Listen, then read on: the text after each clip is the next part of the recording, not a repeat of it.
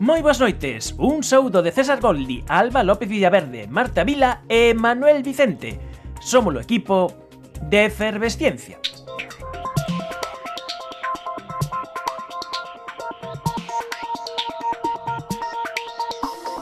O verdadeiro progreso é aquel que pon a tecnoloxía ao alcance de todos. Isto é de Ford, Henry Ford. A semana pasada entregáronse os premios a transferencia tecnolóxica en Galicia 2021 que convoca a Real Academia Galega de Ciencias co apoio de GAIN, a Axencia Galega de Innovación.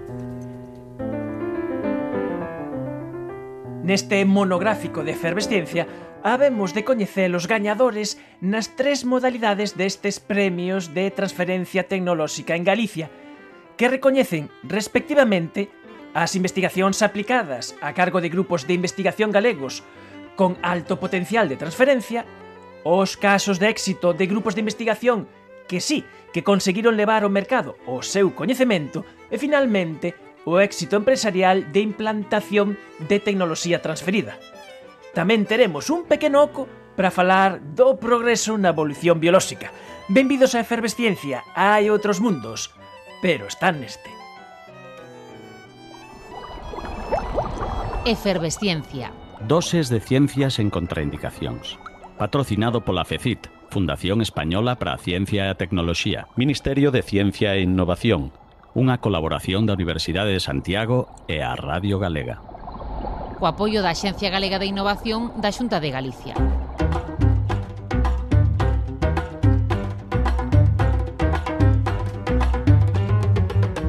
O premio Francisco Guitián recoñece o traballo de investigacións que ainda non completaron o seu proceso de transferencia, pero que teñen un potencial increíble.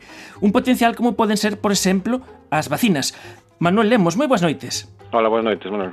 Neste caso, a Real Academia Galega de Ciencias premia a creación dunhas vacinas, pero se hicimos a túa afiliación nos daremos conta de que non é a vacina na que estamos pensando porque Manuel Lema é catedrático de microbioloxía na Universidade de Santiago e investiga no Instituto de Acuicultura da USC no grupo de investigación de patoloxía en acuicultura.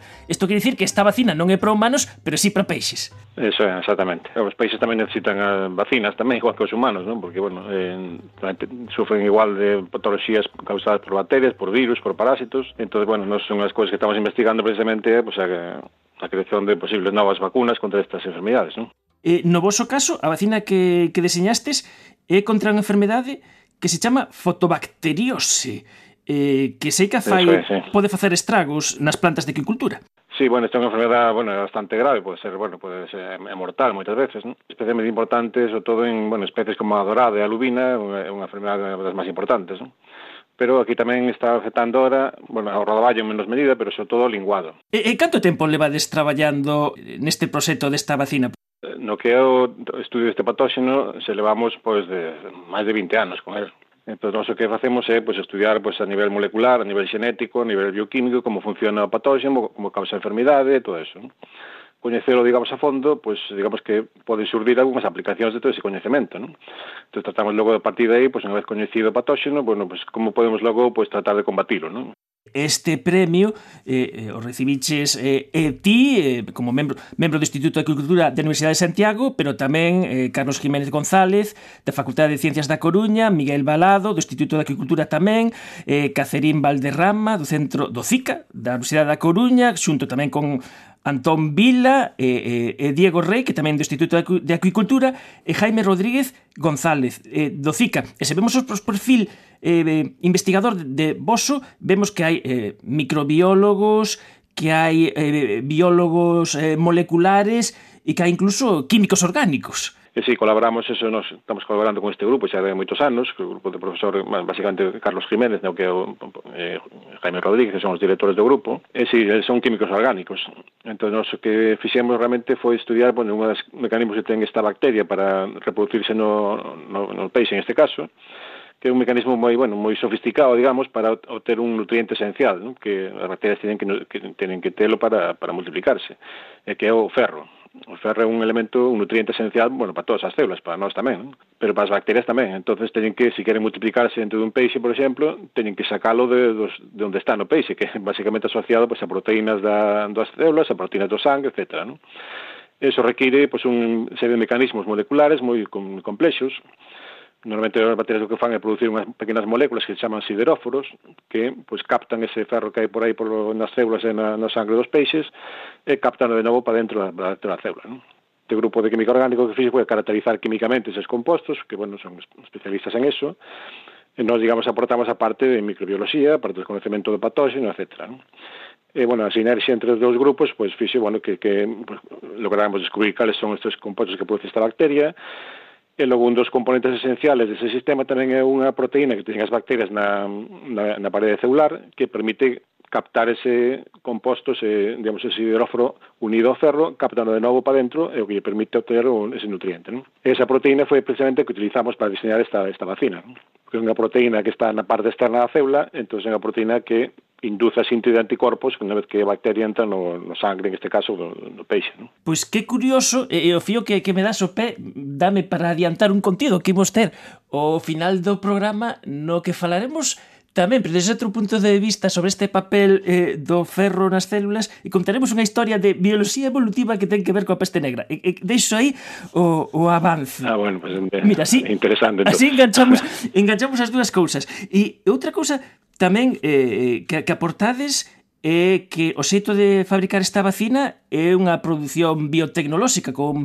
eh, bioreactores e botades man dunha eh, eh, bacteria ben coñecida eh, como é a E. coli, a Escherichia coli, para, para facer un bioreactor que traballe por vos, que faga estas proteínas. Claro, porque o problema que ten esta proteína que, que, que ten este patóxeno, non? o problema que está na, na célula que a bacterium este que se decía, pois pues está en cantidades moi pequenas, claro porque ah, bueno, o número de unidades que hai de, por célula, digamos, de unidades desta proteína pues, é moi limitada, non? Entón, bueno, se podría facer unha enxeñería xenética e sobre a bacteria para que producise máis cantidade, pero, bueno, eso é máis complexo, pois, obviamente, levaría a que hacerlo fora, seguramente, pues, non, non fore viable, non? Entón, máis fácil sempre, en este caso, bueno, foi máis sinxelo, coller o xen deste que codifica esta proteína, metelo na enxeñería na, na Escherichia coli, para que produzca esa, esta proteína en máis cantidade. Non? Pasa que foi, bueno, foi tamén complexo porque o que queríamos era ter a proteína en estado nativo, que se chama, non? Porque que sea exactamente igual que está na, na materia original, Eso implica, bueno, modificar a, a secuencia de nucleótidos que codifica esa proteína, para que se exprese adecuadamente na Escherichia coli, que é outra bacteria completamente distinta da, do fotobacterio. Non? Entón, iso implicou, bueno, pues, añadirlle unha serie de secuencias de, de aminoácidos, eh, unha secuencia tamén para facilitar a súa purificación, decir, que foi un traballo bastante complexo, bueno, que pues, foi involucrado moita, moitos, eh, moitos investigadores, moito, eh, bueno, dos ou tres grupos diferentes. Non? Pero, bueno, ao final conseguimos expresar a proteína esta na Escherichia coli, en bastante cantidade, e de aí, bueno, a Escherichia coli máis unha ventaxa que ten é que é máis fácil de, moi fácil de cultivar, é moi fácil de pues, sacar de aí todas as proteínas que, que queramos. Ou seja, que, que a ser como o porquiño da biotecnoloxía, que saques aí de sí, todo. No, que, que coli ese, hoxe en día utilizase para todo, para producir casi, casi de todo, ¿no? porque é unha materia moi fácil de, é moi fácil de manipular, entonces é moi fácil de cultivar, entonces bueno, pues é máis moi coñecida a nivel todos os niveles, entonces bueno, é materia que se utiliza un pouco de referencia un pouco para todo ese tipo de traballos, ¿no? Pois eh, Manuel Lemos, eh, catedrático de microbioloxía e eh, eh, investigador eh, no Instituto de Agricultura da USC, eh, un dos membros deste equipo conxunto entre a USC e o CICA da Universidade da Coruña, que veu de recibir o premio Francisco Guitián Ojea os premios a transferencia. Parabéns por este premio e, e nada, xa seguiremos atentos á, á evolución dos vosos traballos. Moi ben, moitas gracias e gracias polo vosso interés no, no traballo. A Ciencia, na Radio Galega. Hola Manuel, hoxe estou Hola especialmente emocionada porque xa que estamos con esta serie de entrevistas con eh, xente premiada pola Real Academia, pois enterreime de que viña un, unha persoa a que lle teño un especial cariño desde fai moito tempo, dende aquelas cousas, acordaste aquel evento que era ciencia que conta, Sí, pois pues ali, ali Ciencia que conta. Sí. Ese concurso de relatos científicos en galego para nenos que levou varias edicións e que logo tiña unha fermosísima gala de entrega de premios no que facíamos os relatos dos gañadores. E falando de fermosuras, é unha persoa que ten unha fermosa relación, atención, cos tiburróns. Ah. Eh, sí, sí, eses temibles depredadores que gracias a, a Pío poden converterse en, salvadores da, da, da humanidade, exagerando un poquinho ou non. Eh, Bueno, sí, está esa canción infantil, irás por aí ou por outra cousa. Sí, porque está facendo traballos interesantísimos de, de con eles. Eh. Bueno, estou, estou falando de Pío, de Pío, o Sharkman, o Kenya Man, ou non sei como chamarlle. Eh, estou ab- ab- abrallada. E, e, e, e, e non podía perder ocasión de, de, de, de im- impedir que esta entrevista fose telefónica, esa cousa tan, tan fría desde, desde, desde desta época o que, que estamos... nos toca, o que nos toca. Moitas entrevistas sí, levamos sí. Eh, no último ano e medio, a maioría delas, casi o 98%, facendo a facéndoas por medios telemáticos. Pero desta vez outra. con exquisitas eh, medidas de seguridade eh, non puiden evitar traelo. Así que collín o teletransporte, pasei pola súa casa, eh, collín e eh, eh, trouxen aquí. Está, está aquí con nós, Pío. Moi boas noites, Pío. O, hola, boas noites, Aboa, boas noites, Manuel. Encantado de estar aquí con vos de forma presencial, xa tocaba y, y bueno, y, y moi agradecido por esta Hai que, chamada a vos. hai que contar que a primeira relación de Pío cos, co- cos tiburróns foi terrorífica porque el cando era pequeno foi a ver en primeira fila a peli Tiburrón a, a, a de Spielberg e quedou aterrorizado eh, Pío, eh, aí naceu unha relación amor-odio cos tiburróns que foi derribando cara ao amor, non? É É certo, absolutamente certo. Non sei como tiña esta información a boa. Eu son moi lista. Pero, me, pero sí, era, era terrorífico cando salía aquela imaxe, aquel tiburón mecánico que salía da agua e, e, e asustaba, asustaba bastante.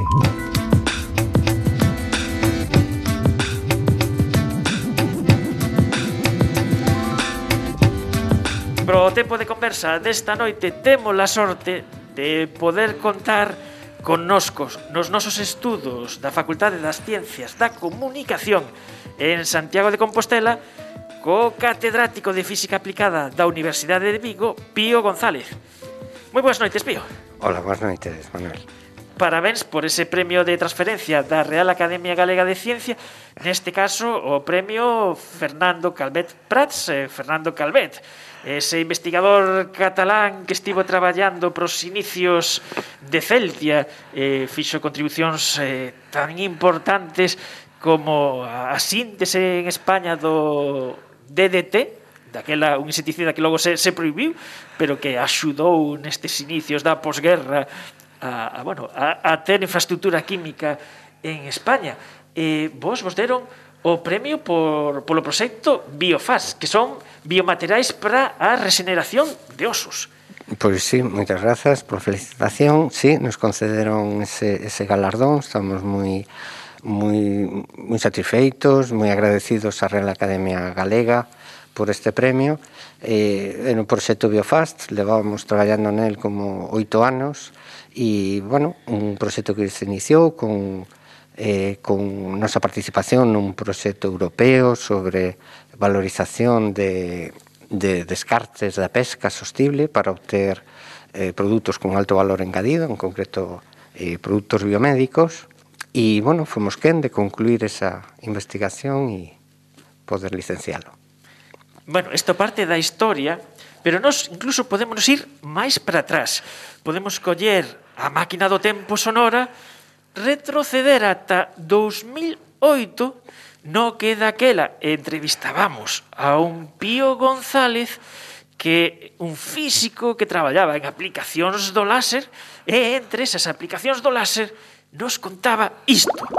O ideal sería buscar un material, un material que sexa poroso e que ademais o que é a súa, a súa microestructura, a súa topografía, pois eh, teña certa variedade de poro, porque non está claro exactamente, non se coñece cual é o tamaño eh, ideal para as células.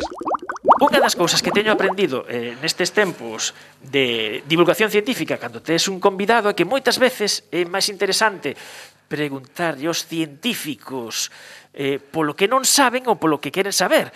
E Pío, falabas daquela en 2008, cando facíades un montón de aplicacións co láser, e a cuestión esta da, da biomedicina era unha máis que non se sabía cal era o tamaño axeitado aí para facer os materiais que se integrasen coas células. Eso en 2008. O mellor agora en 2021 xa se sabe, ou non?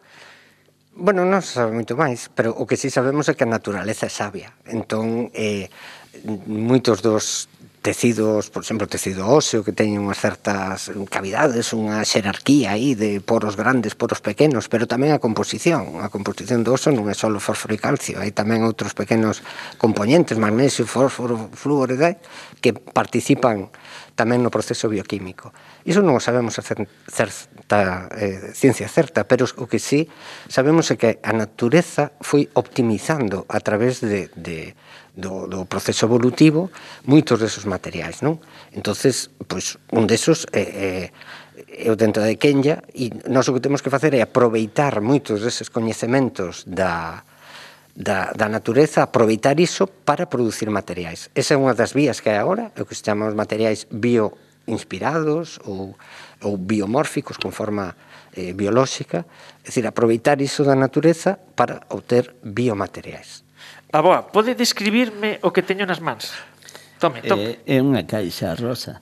É unha caixa rosa que ah. ten así brillantina. Ah, abra, por favor, abra, abra. Boa. Esta caixa é das miñas nenas. E ah, sí. má prestaron e me dixeron, vale, podes levála ao programa coa condición de que a devolvas. Abra, por favor. A ver, aboa. a ver, devolvo. A ver que ten aí. A ver, espera. Sí, aí va. Veña, isto que é? Isto é... Parece que... que Drácula foi o dentista. e sacaronlle falando de, falando de dentes de tiburón. Dentes de tiburón. Este é un dos tesouros das miñas nenas porque Pío unhas cousas que vai facendo sí. por aí cando das súas charlas eh, leva mostras dos seus materiais hai, hai, e a veces fai pequenos ensaios hai unha cousa que chama a atención porque un dente normal chamémoslle normal bueno como que nos, humano. Un dente humano ten unha parte de dente que é a parte exterior que que pincha corta etcétera etcétera pero aquí o que sería se ría a, no dente humano hai unha parte posterior que é a que eh, se introduce na, na encía, non? É unha cousa longa, unha, unha raíz que vai cara adentro e aquí é como unha especie de non sei como dicilo, de, desta a parte superior destas muletas an, a, antigas, así eh. como ou unha forquita destas de rozar a. Eh. Es que é radio, non estamos imaxe, para que no, no, no, non sei como explicarlo, son, son uns dentes eh, extraños, non, non, non a parte visible, senón a parte invisible, por que ten esta forma así como semicircular? Eh, eh mire ben, e mire ben que sí, non sí. atopará nunca nun dente de tiburón unha carie. Non, non, non, non, non, e, e, e, e iso por que? Porque de, os os tiburróns viven os seus anos e estes dentes terran que, que non sei, que, que, que estropearse, non? Mm, bueno, que dicen Estra... eh, eh mm. os biólogos é que é casi un, un, un animal perfecto, sobre todo na súa dentadura, eh, resulta que reciclan os dentes eh, continuamente, van van ah. Eh, teñen ca, casi aloxado se un ve a mandíbula como un reservorio de dentes novos e van soltando sí, sí, e, sí, e renovando sí, sí, os dentes sí. continuamente, o sea que po, non hai caries. Pois po, terán un peto de ratoncito perre. Sí, sí, esos dentes, dentes de leite, dentes de cervexa, dentes de viño, dentes. Dentes de, de, de, de todo, non sigas, non sigas. Se si analizamos o dente de, de Kenya, vamos, a cantidad de flúor é moi considerable. Por esas pastas de dentes teñen flúor. Exactamente, exactamente, un componente importante para para o dente, a mineralización do dente e, e evitar a formación de caries. Uh eh, -huh. E para mimetizar os osos temos esa parte inorgánica, que pode ser o 70%, falábamos que ten que ter esa estructura eh, resistente, liviana, pero a súa vez porosa, eh, pero tamén eh, temos unha parte orgánica, o coláxeno, que é a parte orgánica.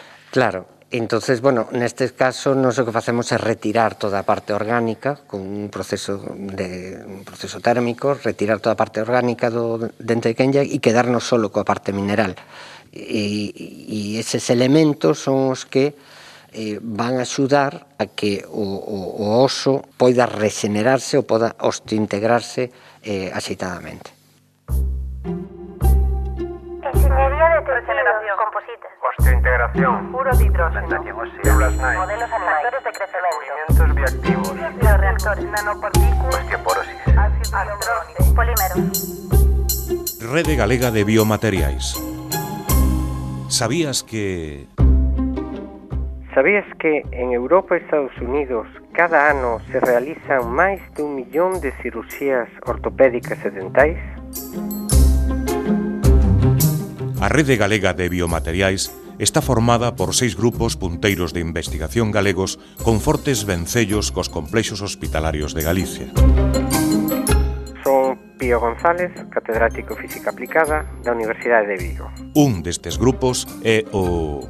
No noso grupo Grupo de Novos Materiais da Universidade de Vigo. Un dos traballos que estamos a desenvolver vai na liña da mellora dos actuais implantes que están baseados no titanio, como coñecemos. E eh, esta é a parte casi de publicidade, de promo, de publi reportaxe sobre a rede galega de biomateriais e xa estamos no ano 2015. Xa avanzamos no tempo e vos xa tiñades eh, ben claro que este material da Kenya que era o vosso objetivo, porque Tivestes outras tentativas previas, facendo eh, biocerámicas, carbonizando madeira, meténdolle silicio, pero ao final o, o, o material que acadou, o que buscabades, era precisamente eh, este refugallo dos, dos dentes das quenllas.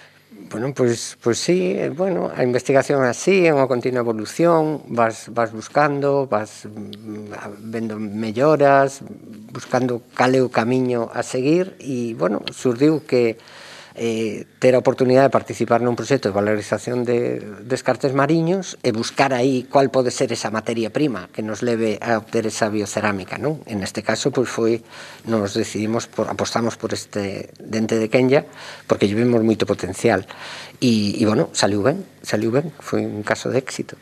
Eh, dicías antes que eh, as queñas entran dentro do tipo de pesca sostible, pero se avanza moito toda esta investigación, pois eh, acabaremos cas, cas queñas, cos tiburróns, haberá unha pesca masiva, todas, non sei, empresas de, de, de, de, de, de prótese, eh, mergullaránse no mar a acabar con todo... No. No, no, no, no, non a boa, no, que va, que va, en absoluto. A quen é unha das, das especies, é a especie que, que é comercial, que, que é abundante, que eh, a Unión Europea na súa normativa permite que a nosa flota poida pescar e, bueno, son peixes de, procedentes da pesca sostible da nosa flota que, bueno, están ali na lonxa, no Berbés, en Vigo, e eh, actualmente, pois a parte da cabeza se desbota, vai vai para fariñas de peixe. E é unha pena, entonces, eh, precisamente a Unión Europea está potenciando estes programas, proxectos para conseguir produtos sacados de aí con un maior valor engadido, non?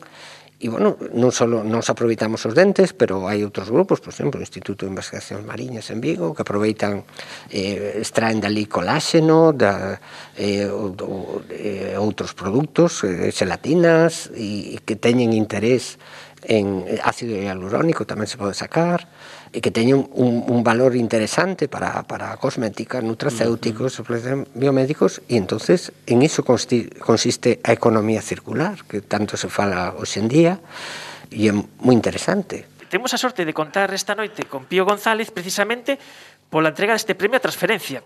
Premia transferencia quere dicir que este biofaz non é unha cousa que quedou no mundo da academia, senón que o obxectivo é que ao final se chegue que conseguistes que se chega a empresa e que se chega, neste caso, a xerar unha patente que se chega a licenciar. Pero coido, isto aquí eh, a miña memoria é así un pouco voluble, pero coido que, eh, claro, eh, vos tiñades un produto que tiñan unhas boas propiedades, pero había outros semellantes no mercado que, que eran a mesma composición, pero non tiñan esta orixe de economía circular. Pero coido que, polo menos un dos contactos que fixestes co mundo da empresa foi casual, foi nun avión.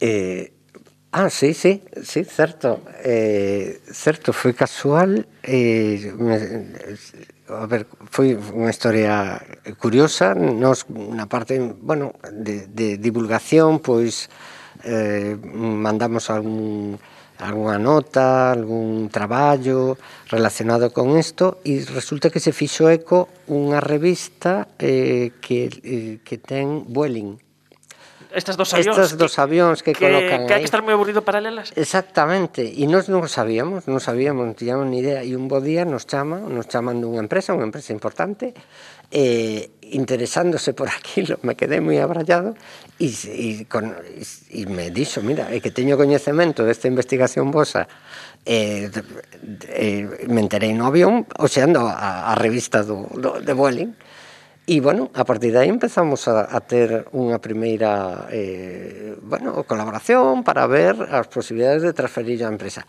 Resulta que ao final non foi esa empresa Ajá. eh, destinataria do, do produto. Non licenciou por, bueno, por diversas causas, pero, bueno, foi o primeiro contacto que tivemos con a empresa E, e, e, bueno, a partir de aí medio te das conta e dices, ui, pois pues este produto pode ter interés pola parte industrial para leválo ao mercado. Uh -huh. E ao final sí que hubo eh, esa, esa patente, esa licenciación, e, en ese proceso eh, que hai de, de transferencia, eh, coido que vos contastes tamén cunha axuda ignicia do Gaín que precisamente eh, teñen como xeto ver esa, ese paso da, do laboratorio ao mercado real.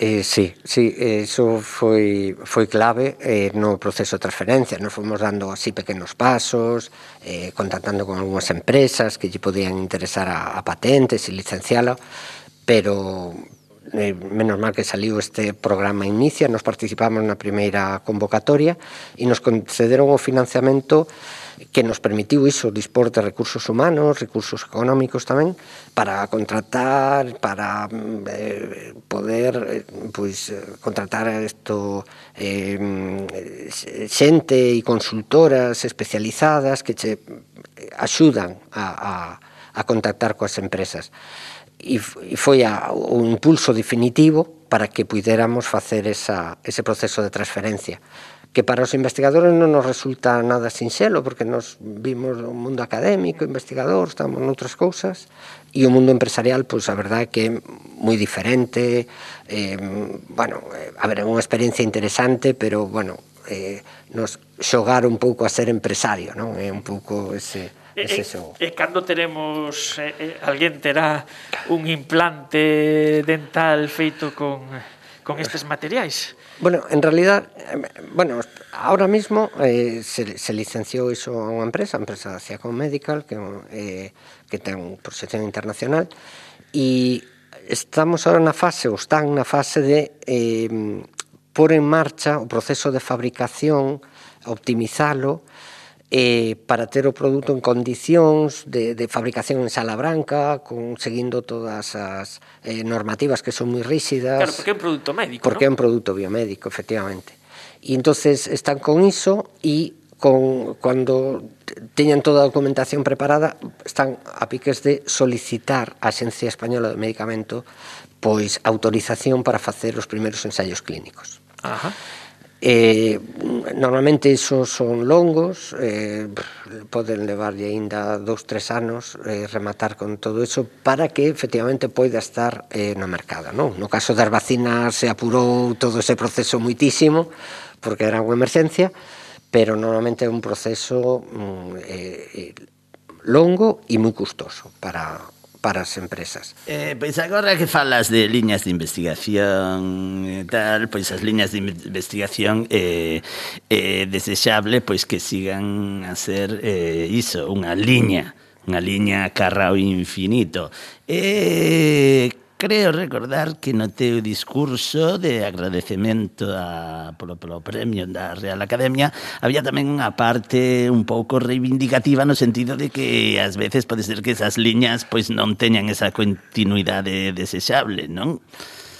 Eh, sí, claro, é que por desgraza, sí, os casos de éxito tamén teñen as súas sombras, eh, Eh, neste caso, a ver, nos estamos moi agradecidos á Academia a Academia e a Gaín polo financiamento que nos deron, polo premio, bueno, todo un recoñecemento, pero bueno, creo que era un bom momento tamén para, para reivindicar pois eh, certas eivas da, da, da nosa ciencia, da nosa sociedade, non? Eh, temos un problema grave de que non somos quen de reter o talento, iso, iso xa, xa é evidente, pero no noso caso é así. Neste proxecto, por exemplo, había tres investigadores investigadores investigadoras novos e ningún deles está ahora mesmo traballando en cuestións relacionadas coa súa especialización e inda, ademais, no, no caso das mulleres eh, doblemente perxudicadas, porque foron nais e, e, e agora resulta que os seus traballos teñen moitas dificultades de conciliación familiar e laboral. Ainda, ainda seguimos nesas. E seguimos en estas. E entonces, bueno, pois pues, non entón- somos un reflexo disso. Entón, cando o vosso grupo de investigación cando ti, eh, Pío González, eh, Julia Serra, que tamén tivemos no programa, Estefano Chusi, eh, vos eh, subiledes, eh, cerredes a chave do laboratorio, esa chave, isto pasa co, como, como moitas empresas familiares, quen queda con esa chave, con ese laboratorio, e sobre todo, quen queda con ese coñecemento? Pois, desgraciadamente, pois me temo moito que se vai a perder porque a situación é esa. Fai un, unhas semanas escuitei unha entrevista a Luis Enjuanes, Juanes que falaba no caso da, da vacina e, e que traballan nun centro punteiro e, e falaba exactamente disto, falaba de que o seu grupo non tiña maneira de, de consolidar a su, o seu persoal, eh, el xa estaba xubilado e, e, ese coñecemento se perdía. E claro, me quedé moi impactado porque esa é exactamente a nosa situación. Eh, somos estas tres persoas, somos catedráticos, titulares de, de universidade e non temos relevo eh, xeracional. Eh, E entón, non, vamos, non, cando nos retiremos, pois é así, estamos en vías de extinción, non temos a quen entregarlle as chaves do laboratorio para continuar con ese coñecemento e, e continuar con, con esa liña de investigación. O gallá se poida mellorar o sistema de investigación, estas eivas, para evitar estas rúas sen saída, estas rúas que fan que rematen liñas de investigación que aínda teñen posibilidade de seguir achegando á sociedade E como vimos nesta conversa esta noite con Pío González, catedrático de Física Aplicada da Universidade de Vigo, que ven de recibir o premio a transferencia tecnolóxica da Real Academia Galega de Ciencias. Moitas grazas, Pío, por acompañarnos nos nosos estudos. Moitas grazas, moitas grazas. Fervecho.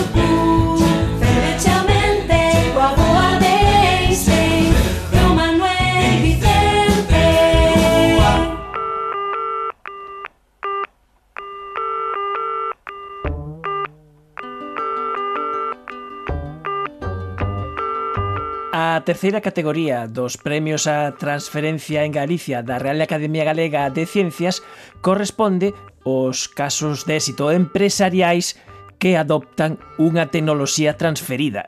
E este ano alzouse con este galardón a spin-off de Gradian, o Centro Tecnolóxico das Telecomunicacións de Galicia, a spin-off Alice Biometrics, Eh, Esteban Vázquez, moi boas noites. Boas noites. Alice Biometrics, esa Alicia é Alicia no País das Maravillas, Alicia do Espello, que nos vivimos en dous mundos, quizáis, un mundo real e un mundo virtual. Sí, é un pouco, ese é un pouco a orixe do, do, do nome, cando, cando estivemos pensando nisto, no, gustábanos un pouco esa, esa simbología que nos permitía un pouco esa, ese, esa transición entre o mundo real e o mundo virtual, o equivalente a, a identidade real e a identidade virtual tamén. Alice Biometrics, que sodes unha spin-off dedicada ao recoñecemento facial no que explotades eh, casi unha década de traballo eh, en Gradient, pero que levades moi rapidamente, ou vos levastes moi rapidamente o vosso produto ao mercado. Un mercado que entendo o recoñecemento facial que, que móvese moi rápido, moi competitivo, e no que hai que buscar eh, precisamente o que se chama ese nicho de mercado onde vos podedes achegar algo e eh, estades precisamente a aportar. Sí, no, nos partimos, como, como ben dis, de, desa, de desa tecnoloxía que, que gran parte do equipo de Alice eh, eh, estivo desenvolvendo durante durante bastantes anos eh, esa tecnoloxía pioneira de, de recoñecemento facial dende, dende Galicia. E a partir de aí, eh, bueno, desenvolvemos, eh, seguimos evolucionando esa tecnoloxía, pero tamén outras tecnoloxías e eh, eh, construímos un produto centrado na identidade digital un producto que, permite a usuarios eh, realizar procesos de alta de forma remota, completamente desatendida, eh, nos que é necesario verificar eh, a identidade desa persoa a través de algún documento de identidade. E realizamos todo, todo ese proceso eh, para verificar os documentos, verificar que esa persoa é a persoa autorizada para, realizar ese proceso, utilizando reconhecimento facial, eh, probas de vida para para detectar que, que un usuario lexítimo e non, non un intento de, de fraude. E tamén facemos eh, bueno, eh, toda a lectura automática deses documentos, verificacións de seguridade, etc. Agora, eh, estaba pensando que a mí tócame renovar o meu carnet de conducir e que as fotos que fan nos psicotécnicos, agora que chas fan nos psicotécnicos, son as fotos ben perralleiras. Eh, pero o voso, o voso produto, inda que a foto, bueno, a calidade da foto ou que a foto sexa feita hai o mellor cinco anos, e, e, e quen de asinar esa cara da persoa que está portando ese documento con ese documento, de, de facer ese match, de saber si é ou non é. Sí, efectivamente, gran parte do, do traballo de, de investigación e, e de evolución desta, desta tecnoloxía de recoñecemento facial centrase neses aspectos, vai por aí, non? Ter un sistema non só un sistema generalista que permita que permita facer un recoñecemento facial entre fotografías de, de boa calidade, senón eh, apuntar especificamente os problemas que, que se dan nestes escenarios. Paso do tempo, documentos que poden ser cinco anos, pero en algúns casos son documentos con dez anos e incluso máis, dependendo dependendo do país e do tipo de documento, poden pasar eh, poden pasar máis anos. Eh, ser robustos a iso, cambios de aspecto, eh, barbas, eh, peiteados, gafas, eh, e tamén eh, os problemas que pode haber no, no, no propio proceso de captura. Ao final estes documentos de identidade son documentos que, que bueno, levamos na carteira, eh, o co paso do tempo pois tamén se deterioran, entón pode, pode haber certos certos problemas, bueno, eh, parte fotos... do reto deste sistema é, é esta parte. E fotos que o mellor ti faz a verificación condicións non óptimas de iluminación, enfoque, etcétera, non? Claro, claro, hai que, hai que pensar en todo iso. Ao final, eh, estamos precisamente parte, parte da vantaxe de unha solución destas é que o, ti como usuario te podes dar de alta dende a túa casa eh, ou dende calquer eh, lugar en calquer momento. Entón, moitas veces as condicións de iluminación non son óptimas. Moitas veces estás te dando de, de alta eh, pola noite no sofá. Sabe? Eh, po, po, tens, que, tens que ter un sistema que sea robusto a todas, esta, todas estas problemáticas. Eh, certamente, o falar de reconocimiento facial é unha tecnoloxía prodixiosa, pero a min ás veces dame tamén moito medo eh, está a xestión de datos eh, eh, privados e supoño que no vosso produto tamén estará parte de, de como se xestionan correctamente eses datos. Correcto, correcto. É, é moi importante ter, ter todos os procedementos de seguridade, todos os procedementos de privacidade, estar actualizado eh, constantemente con todas esas normas. Nos nese sentido estamos estamos moi tranquilos porque sí que estamos eh, continuamente facendo tanto eh, avaliacións a, a nivel de, de legislación como, como avaliacións técnicas, eh, probas de seguridade tanto internas como, como externas para, para asegurarnos de que a, a protección deses datos é máxima en todo momento. E por outro lado, eh, bueno, tamén é importante destacar que nun proceso como estes non é un proceso eh, de videovigilancia como vemos eh, en algúns casos eh, cámaras que se instalan pola rúa. Isto é un proceso eh, de alta eh, no que o, o usuario eh, colabora en todo momento eh, é consciente de que se vai facer unha captura da súa cara para comprobar, facer esa comprobación contra o documento. Eh, dicíamos que esta sendo vos unha spin-off moi moi moi noviña con nacestes, se non me equivoco, no 2019 eh, xa estades no mercado.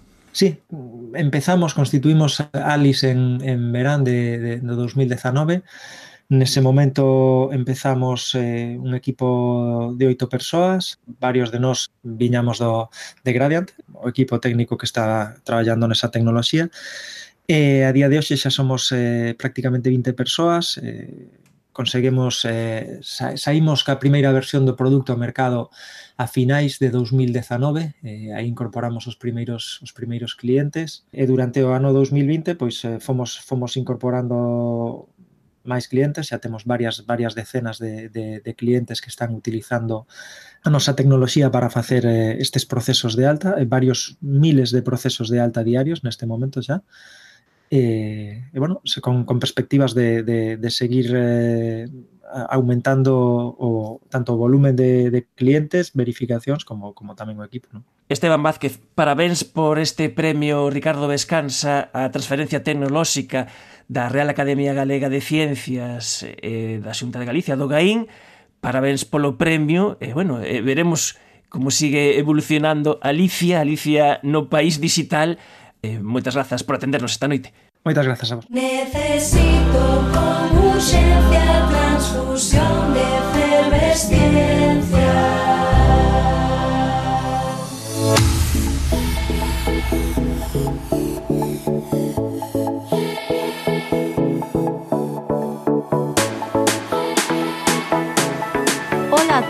Eu son Alba López e son unha estudante do último ano do grau en Bioloxía na Universidade da Coruña. O meu traballo de fin de grau consiste en divulgar a ciencia mediante a participación neste programa Efervesciencia. Hoxe imos continuar coa sección de mitos e realidades da evolución. O outro día desmentimos o mito de se os humanos descenden dos monos e esta noite comentaremos un novo mito evolutivo. Mitos e realidades da evolución para a xente común. A selección natural sempre actúa ao noso favor, mito ou realidade. Na conversa que tiven cos meus amigos sobre evolución, Un tema a debatir foi se a evolución en xeral era algo positivo e necesario para avanzar como especie. Pois eu penso que a evolución ten moito que ver cos cambios e con adaptarse constantemente. Que, sí, que a evolución sempre ocorre para mellorar en todos os ámbitos. Deixo o meu punto de vista, a evolución non sempre sirve para mellorar. Creo que unhas veces sí, e outras non. Os cambios non son unha obrigación, ten máis que ver con fluir ca vida. Por exemplo, se nos centramos no tema da tecnoloxía, eh, deu lugar a grandes avances, pero tamén deu lugar a cousas que non nos beneficiou, como por exemplo, quitou moitos postos de traballo.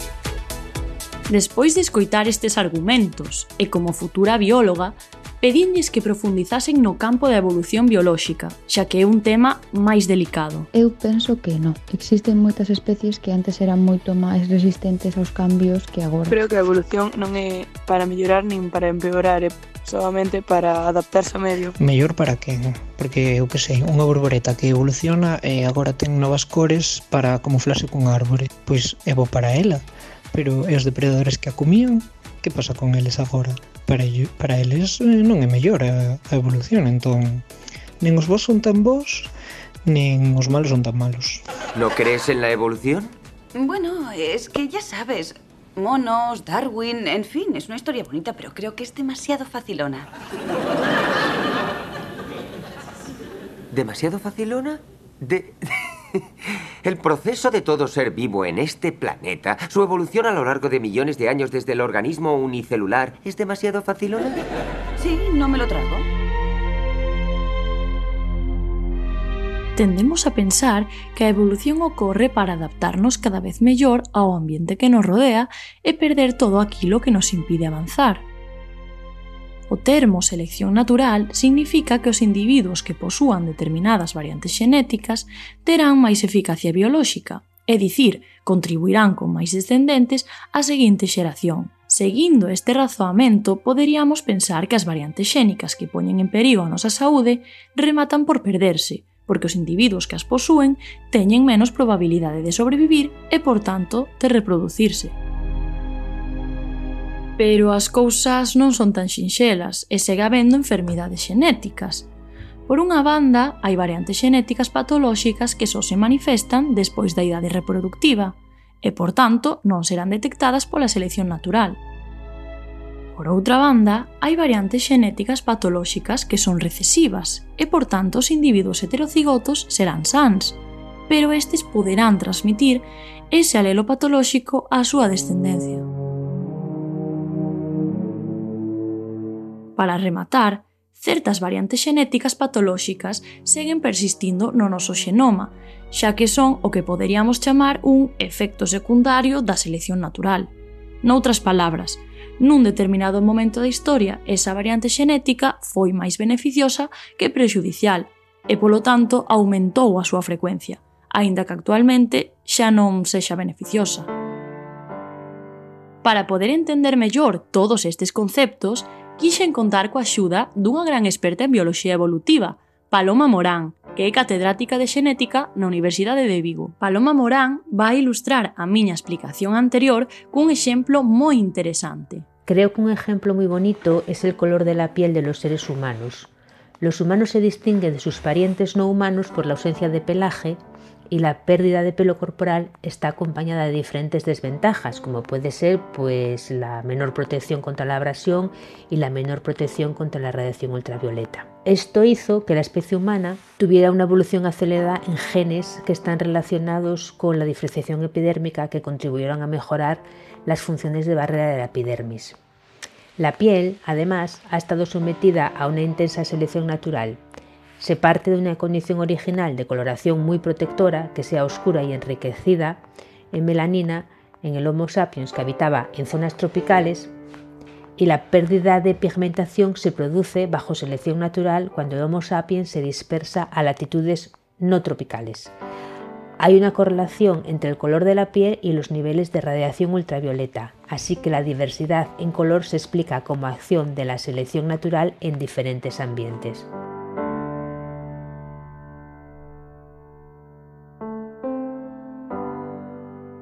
Imos falar agora doutro exemplo en particular que explica por que unha variante xenética patolóxica foi máis beneficiosa que prexudicial nalgún momento da historia. Pero para iso teremos que remontarnos uns séculos atrás.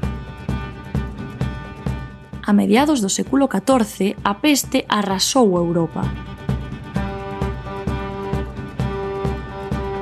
a metade da súa poboación morreu por mor da infección causada pola bacteria Yersinia pestis. Aínda sendo unha enfermidade mortal e que padeceron unha gran cantidade de europeos, non acabou coa vida de toda a poboación de Europa, aínda estando contaxiados. Entón, a que se debe que algunhas persoas sobrevivisen? Para poder responder a esta pregunta, temos que falar sobre unha enfermidade hereditaria en especial, a hemocromatose. Este trastorno altera o proceso de metabolización do ferro. Polo tanto, en condicións normais, o noso organismo cando detecta que hai ferro de abondo no sangue, restrinxe a cantidade de ferro que os nosos intestinos absorben dos alimentos. Porén, se padecemos hemocromatose, o corpo sempre pensa que non ten ferro abondo e, polo tanto, segue absorbendo. Esta sobreacumulación de ferro co tempo pasa a ter consecuencias mortais. O curioso disto é que esta acumulación de ferro non se distribúe por igual en todas as partes do organismo. A meirande parte das células almacenan demasiado ferro, pero outras acumulan moito menos do normal, como é o caso dun tipo de glóbulos brancos, os macrófagos. Os macrófagos encárganse de capturar aos posibles invasores do noso corpo para leválos aos nódulos linfáticos, onde serán atacados para poder loitar contra eles. Nunha persoa sen hemocromatose, os invasores utilizan o ferro dos macrófagos para fortalecerse e poder transportarse por todo o corpo, pero as persoas con hemocromatose teñen unha vantaxe. Os seus macrófagos son carentes en ferro e, por tanto, os axentes infecciosos non poden utilizaro para alimentarse, polo que morren. En resumo, as persoas con hemacromatose morrerían tempo despois, xa que é unha enfermidade letal, pero puideron sobrevivir á epidemia da peste. Estas persoas poderían reproducirse e pasar a mutación á súa descendencia, aínda que morresen décadas máis tarde. A hemacromatose permitiu a moitas persoas sobrevivir á peste, e iso é a causa de que a hemocromatose sexa a doenza monoxénica máis prevalente en persoas con ancestría do norte e oeste de Europa. A selección natural favoreceu a variante que causa a hemocromatose porque permitiu sobrevivir á peste. Pero agora que xa non hai peste, a selección natural non é quen de disminuir a súa frecuencia, xa que as persoas non morren desa doenza ata despois da idade reproductiva, en torno aos 70 anos, polo que segue transmitíndose de xeración en xeración. El ejemplo típico de supervivencia a una enfermedad pero con efectos secundarios es el de la malaria. No solo aquellos individuos que son heterocigotos para la anemia falciforme muestran resistencia a la malaria, sino que hay otros genes que a su vez causan enfermedades como la talaxemia, que tienen consecuencias para la salud, pero los individuos son más resistentes a la malaria.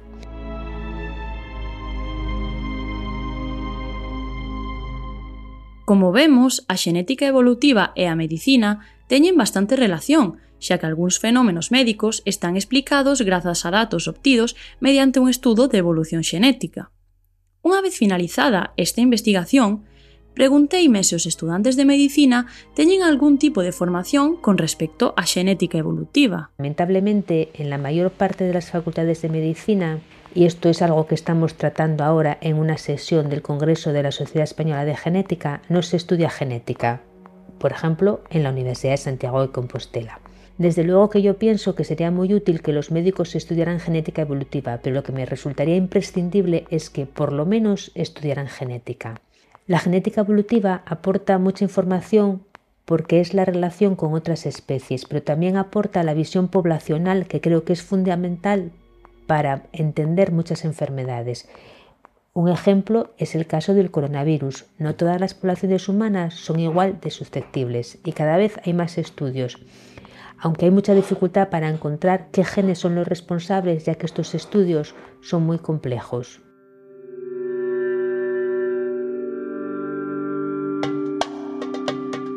Como acaba de comentar Paloma Morán, o oitavo Congreso da Sociedade Española de Bioloxía Evolutiva vaise celebrar en Vigo en 2022.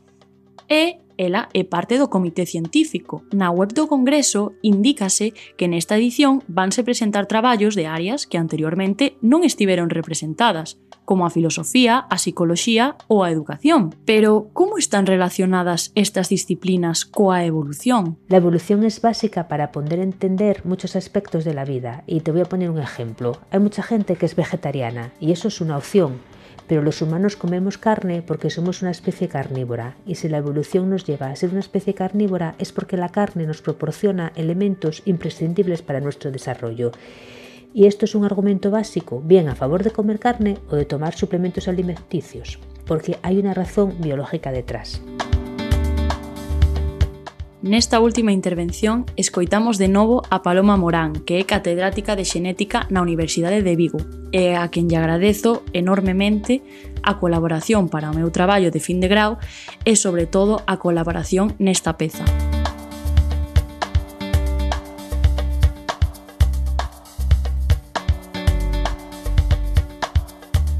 pois despois de escoitar todas as intervencións, xa podemos afirmar que a selección natural cambia segundo o espazo e o tempo. Bueno, pero isto que quere dicir? Isto quere dicir que a evolución non ten por que conlevar progreso. O que é bo agora pode non selo nun futuro. Para que nos entendamos, os nosos xenes son como as cartas. Nun xogo podes ter unha man boísima, pero se cambias de xogo, a mesma man pode levarche ao fracaso.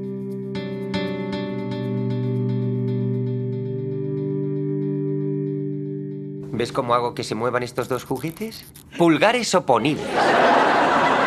Sin la evolución, ¿cómo explicarías los pulgares oponibles? Tal vez los señores de la galaxia los necesitaran para conducir sus naves. Efervesciencia. Patrocinado pola FECIT, Fundación Española para a Ciencia e a Tecnoloxía, Ministerio de Ciencia e Innovación, unha colaboración da Universidade de Santiago e a Radio Galega. O apoio da Axencia Galega de Innovación da Xunta de Galicia. Non sei se vos decatastes, pero hai media hora iniciamos o outono. E iso quere dicir que o vindeiro mércores na crónica da Radio Galega teremos por fin o primeiro programa oficial da tempada número 15 de Efervesciencia. Tempada que promete ser máis interesante que nunca.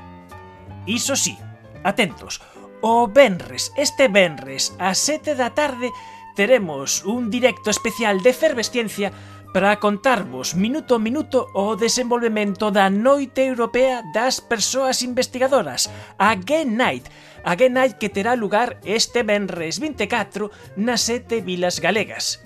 E aí estaremos os de Fervesciencia en directo desde o tinglado do Porto de Vigo, Agardamos que nos escoitedes e se queredes nos acompañedes en directo.